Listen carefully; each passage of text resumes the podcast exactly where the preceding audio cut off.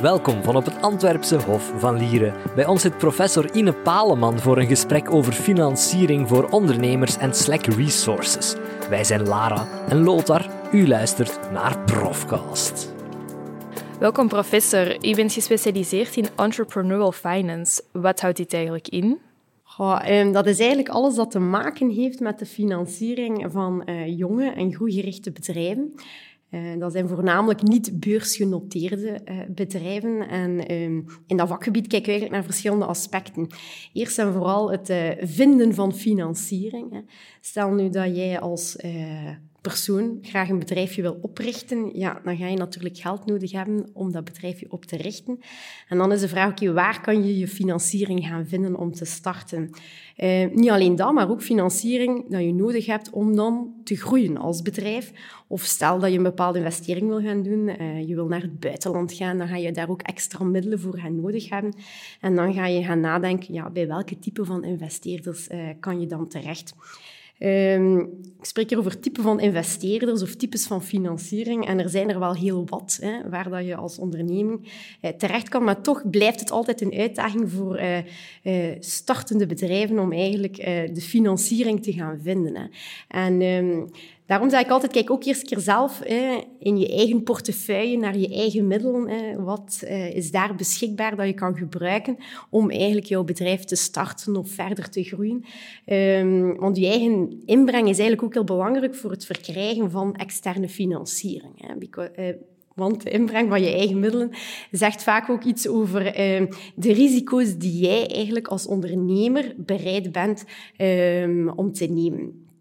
Um, je kan je wel voorstellen, uh, als je iemand bent, een ondernemer die al vijf ondernemingen uh, heeft opgericht in het verleden, en je gaat zes ondernemingen gaan oprichten en je steekt daar niet je eigen geld in, dan kan dat wel eens raar overkomen naar, uh, naar andere potentiële investeerders, waarom investeert hij niet zelf in zijn eigen bedrijf?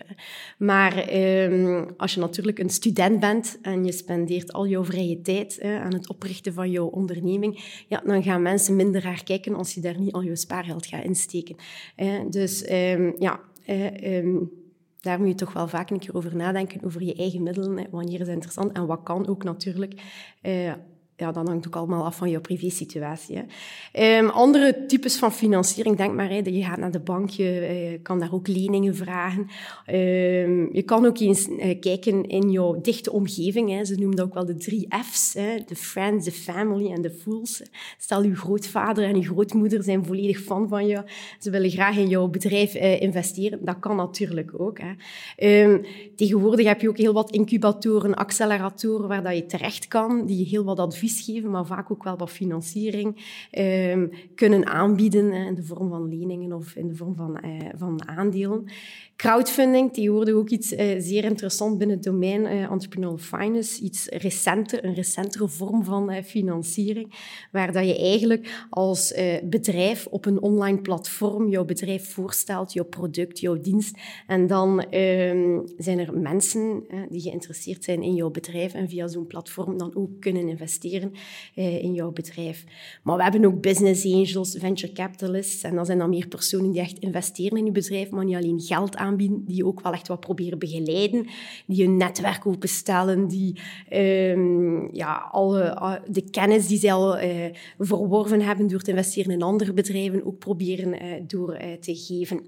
Ook overheidsinitiatieven, ook een belangrijke bron van financiering, waar de, elke start-up zeker eens moet naar kijken welke subsidies zijn nu voorhanden. Ook fiscale voordelen. stel dat je als particulier wil investeren in een onderneming, dan kan je daar soms ook wel wat belastingsverminderingen uh, bekomen in jouw personeelsbelasting. Um, dus dat is eigenlijk een eerste deeltje van dat entrepreneurial finance is eigenlijk alles wat te maken heeft met het vinden van financiering en al die bronnen van financiering. Eh, daar ja, allerhande kennis gaan over verwerven, hoe dat, dat allemaal in elkaar zit, wat dat de gevolgen van zijn van zo'n type van financiering verwerven en zo verder.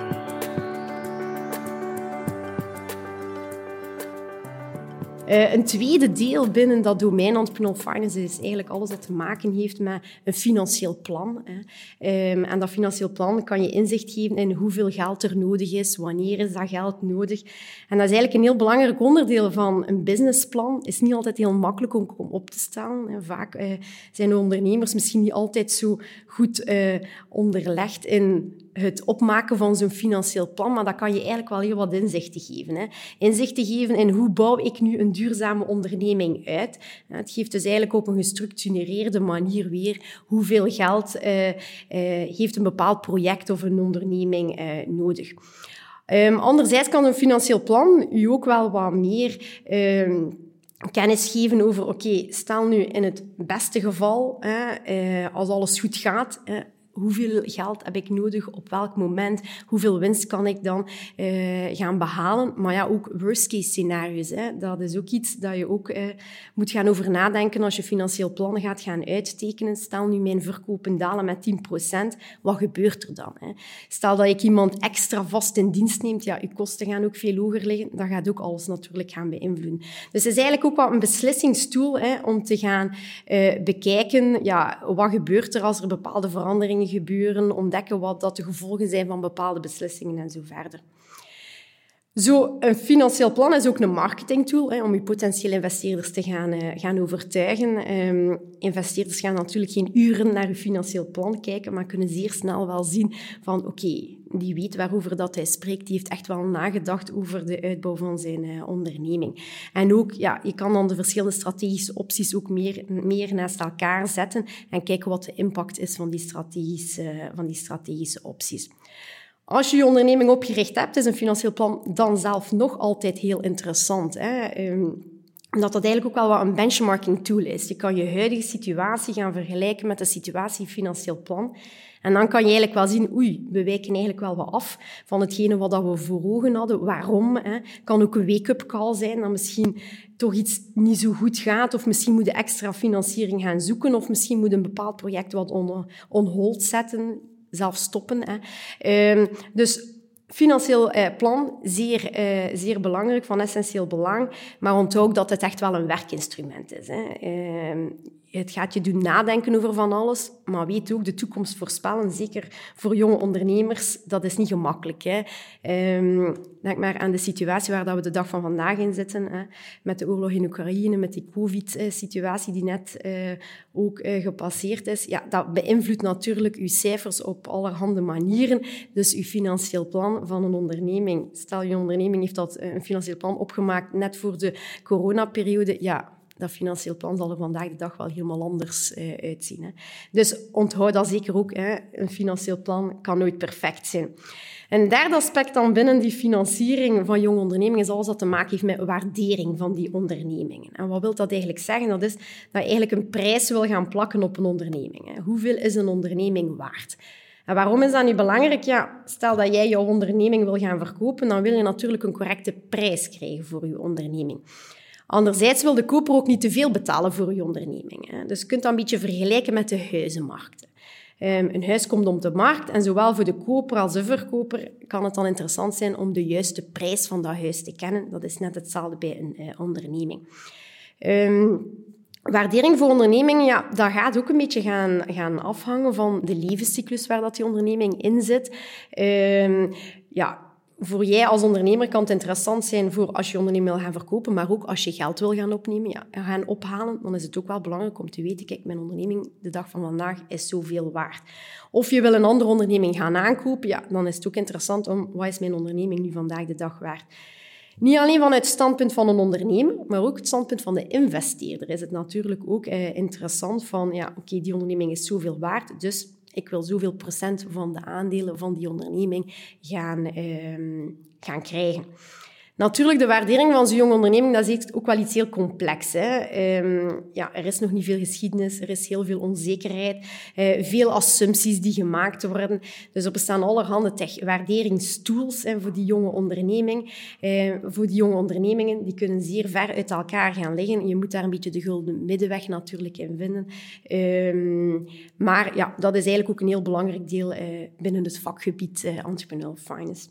Dan misschien een laatste grote blok binnen entrepreneurial finance is alles dat te maken heeft eigenlijk met deal structures. En wat, wat dat eigenlijk in? Dat zijn eigenlijk die contracten. Hè?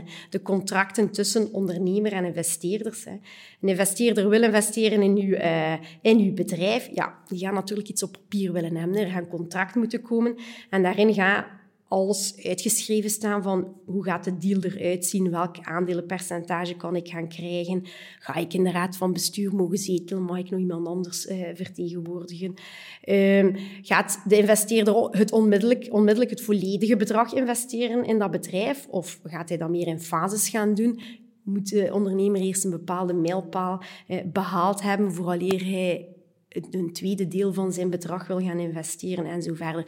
Dus dat contract, hè, dat kan heel, heel complex zijn. En je kan wel voorstellen. Um, ja, en daar ga je uiteraard ook heel wat onderzoek naar, uh, naartoe. Dus samengevat, de financiering hè, van jonge, groeigerichte bedrijven gaat dus eigenlijk rond ja, het, vinden van die financiering, de waardering van die, eh, van die niet beursgenoteerde eh, ondernemingen en het sluiten van, van die contracten.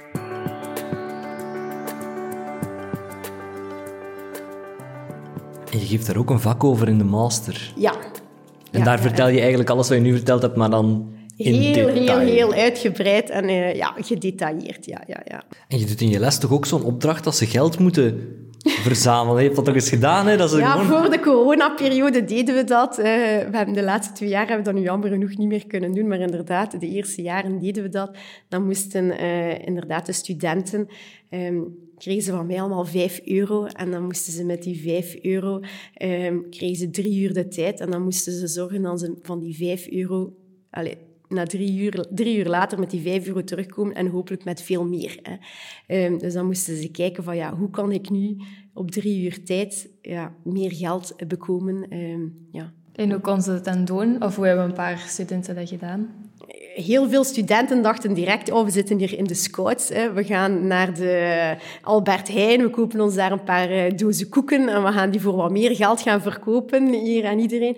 Of meestal was dat rond de periode van Valentijn, kwamen ze dan bij rozen af en plots liepen heel wat mensen op de, de universiteit hier met een roos in de hand. Dan wist ik ook van, oké, die rozen uh, zijn verkocht geweest door mijn studenten. Dus ja, zo dachten ze ook vaak. Maar sommigen waren ook ja, heel creatief en dachten van, oké, ik ga mijn netwerk wat uh, via Instagram of zo uh, gaan, uh, gaan raadplegen en kijken van, oké, misschien kan ik iemand overtuigen om, om, mij wat, om iets in, in, mij te investeren en ik zal dan iets doen in ruil, bijvoorbeeld het gas gaan afrijden of zo verder. Um, op die moment. Dus ze lagen eigenlijk wel, ja, de ideeën vrij ver, ver uit elkaar, ja. En hoeveel, wat is het maximumbedrag dat iemand ooit heeft gehaald? Van ik denk dat dat toch wel een 130 euro was. Dat waren uh, een groepje van uh, allemaal jongens en die waren er volledig opge, uh, opgevlogen. Die verkochten wafels, dat weet ik ook nog. maar het idee achter heel de opdracht was eigenlijk om na te denken van, ja, oké, okay, met een kleine hoeveelheid geld, je kan daar eigenlijk wel veel meer mee doen. Je moet niet altijd onmiddellijk als uh, ondernemer uh, naar een bank gaan of naar een, een investeerder gaan. Hè. Denk eerst een keer goed na wat je eigenlijk daar allemaal mee kan gaan doen. En eigenlijk kan je veel meer doen dan je zelf soms denkt.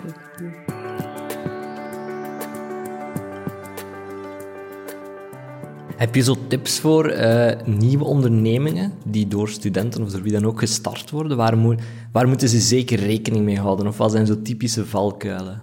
Um, ja, een beetje um, een eerste tip die, die echt wel heel belangrijk is, is dat je moet proberen om je noden aan die externe financiering zo laag mogelijk te gaan houden. Hè. Um, externe financiering, dat kost altijd geld. Hè. Ofwel, als je naar een bank gaat en je gaat daar een lening aan, dan zal je die lening moeten terugbetalen, maar ook interesse. Hè. Hetzelfde met als je dan voor een equity-financiering gaat, wat wil dat zeggen dat die investeerder geld geeft, maar in ruil voor aandelen. Dus je geeft eigenlijk uh, een deeltje van jouw bedrijf weg. Dus altijd externe financiering kost bijna altijd geld. Hè. Dus um, moet je echt wel gaan nadenken van, oké, hoe kan ik mijn uh, nood aan die externe financiering zo laag, uh, laag mogelijk houden? Um, omdat soms uh, ondernemers daar niet genoeg over nadenken. En een tip die ik dan ook altijd geef is, denk eens na over wat, over wat bootstrapping technieken. En wat is dat eigenlijk, zo'n bootstrapping techniek? Dat, is eigenlijk, dat zijn eigenlijk manieren om toegang te krijgen tot middelen zonder beroep te doen op die externe eh, bronnen van financiering. En heel mooie voorbeelden zijn bijvoorbeeld start in je garage, eh, je onderneming, eh, of start op je slaapkamer zonder dat je daar een fancy gebouw moet gaan kopen of moet gaan huren.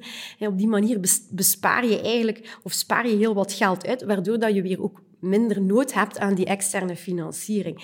Heel veel ondernemers in het begin gaan proberen hun lonen zo laag mogelijk te houden of zelfs geen lonen uit te betalen. Um, hetzelfde met personeel. Is het nodig om echt iemand direct vast in dienst te nemen? Of is het mogelijk om met studenten te werken, met interims, die vaak veel goedkoper gaan zijn? Ook denk een keer na over hoe dat je eigenlijk jouw klanten en jouw leveranciers betalingen kunt gaan optimaliseren. Misschien is er wel een mogelijkheid dat je jouw leveranciers gaat betalen op het moment dat je klanten al betaald hebben. Of misschien kan je wel partnerships afsluiten met je leveranciers en met je klanten, hè, dat je wat meer tijd hebt om alles te gaan betalen en zo verder. Dus er zijn heel, heel, eigenlijk heel wat mogelijkheden waar veel ondernemers eigenlijk niet over gaan nadenken. Hetzelfde met bijvoorbeeld eh, machines Velen denken, ik moet onmiddellijk die machine gaan kopen. Dat is niet waar. Hè. Je kan ook je eh, bepaalde machines misschien gaan huren, gaan leasen. Misschien kan je ze wel eens gaan lenen. Um, ook die subsidies. Ja, subsidies, dat is eigenlijk bijna gratis geld. Het is niet dat je iets moet gaan teruggeven. Dus heel wat bootstrapping technieken bestaan er. En ja, het is altijd interessant om daar toch een keer goed in detail over na te denken. Um, omdat die eigenlijk als onderneming wel heel wat kunnen vooruit gaan helpen. Ook zelfs zeer grote ondernemingen gaan daar op de dag van vandaag nog naar gaan kijken, naar die bootstrapping technieken, vaak dan in combinatie met um, beroep te doen ook op externe financiering. Dus het zeker niet een, een, een of-of verhaal, maar eerder een en-en verhaal, dat je als uh, zowel jonge als groeigerichte ondernemingen die al heel wat ouder zijn, hè, um, kunt uh, op beroep doen.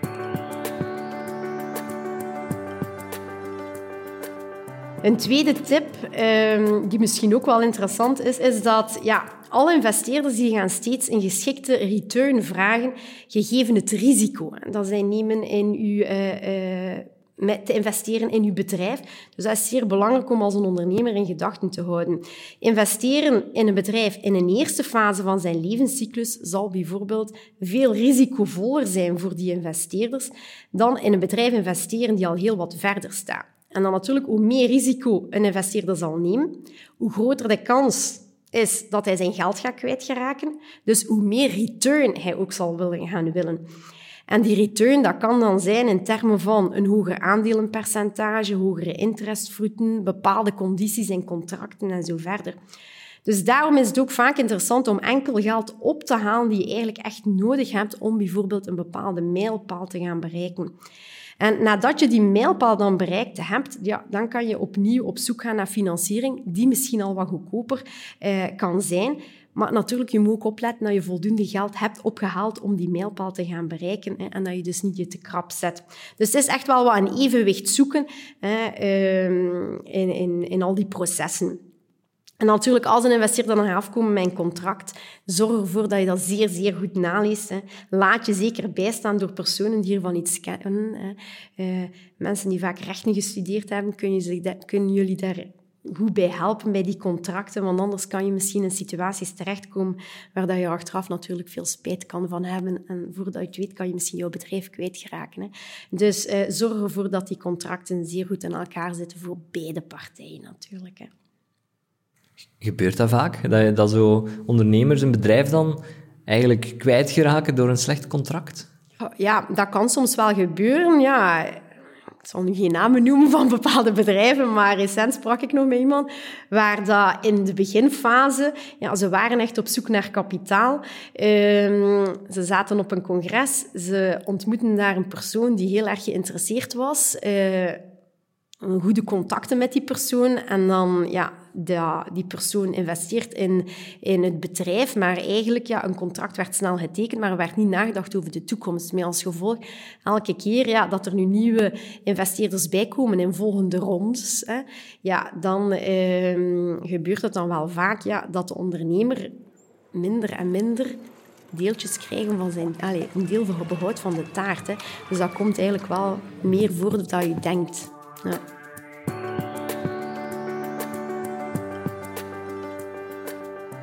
Mijn interesse in dat vakgebied, um, ja, dat, uh, ik denk dat dat al een beetje dateert van als ik eigenlijk heel erg jong was.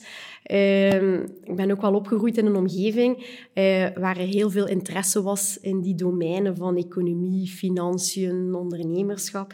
Uh, mijn grootvader is eigenlijk een van de grondleggers van de tijd. Hè. Dus uh, hij ging eigenlijk naar al die algemene vergaderingen van beursgenoteerde ondernemingen in België en schreef daar dan eigenlijk stukken over die de dag nadien verschenen in de tijd.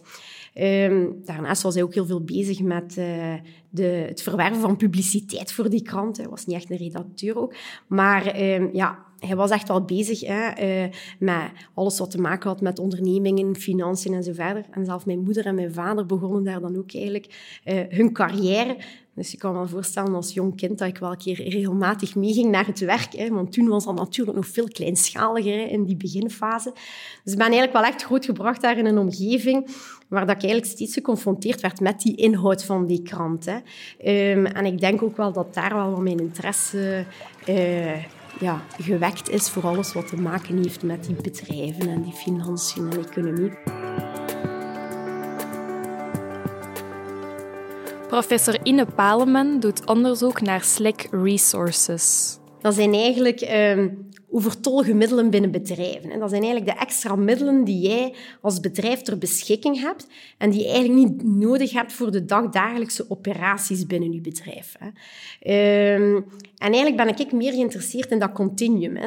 Langs de ene kant heb je die, die Slack, die extreme hoeveelheid aan middelen die je eigenlijk hebt in overschot. Hè. Het is niet je basismiddel, het is echt hetgene wat je over hebt. Hè. Eh, maar langs de andere kant ja, kan je ook wel een beetje tekort hebben of zeer weinig middelen beschikbaar hebben voor die basisoperaties te doen. En dat noemen ze de resource constraints. Dus het is echt een continuum langs de ene kant die Slack en langs de andere kant dat resource constraints. En ja, eigenlijk ben ik al bezig met onderzoek rond Slack Resources, want tijdens mijn masterjaar... Um, toen was dat gewoon een thesistitel die ik gespot had. En ik wist ook begot niet wat dat was. Maar dat trok eigenlijk wel mijn aandacht op het moment dat ze mij de definitie uitlegden. En eh, ja, ik was daar eigenlijk zodanig door gebeten dat ik nadien ja, in mijn doctoraat daar eigenlijk ook continu naar gekeken heb. In het begin heb ik zo nog wat ander onderzoek gedaan, echt rond cross-border venture capital en zo verder. Hè. Uh, venture capitalisten die eigenlijk uh, uh, vanuit het buitenland komen en zo verder. Uh, maar toch werd ik altijd teruggetrokken naar dat onderwerp van Slack. Hè. Uh, de mensen rondom mij, als ze denken, ze onderzoek aan doen, dan gaat het altijd rond dat onderzoek van die Slack. Hè. ze kochten mij zelf ooit een keer een Slack. Hè. Ja, dat dat, omdat alles bij mij rond die Slack ging.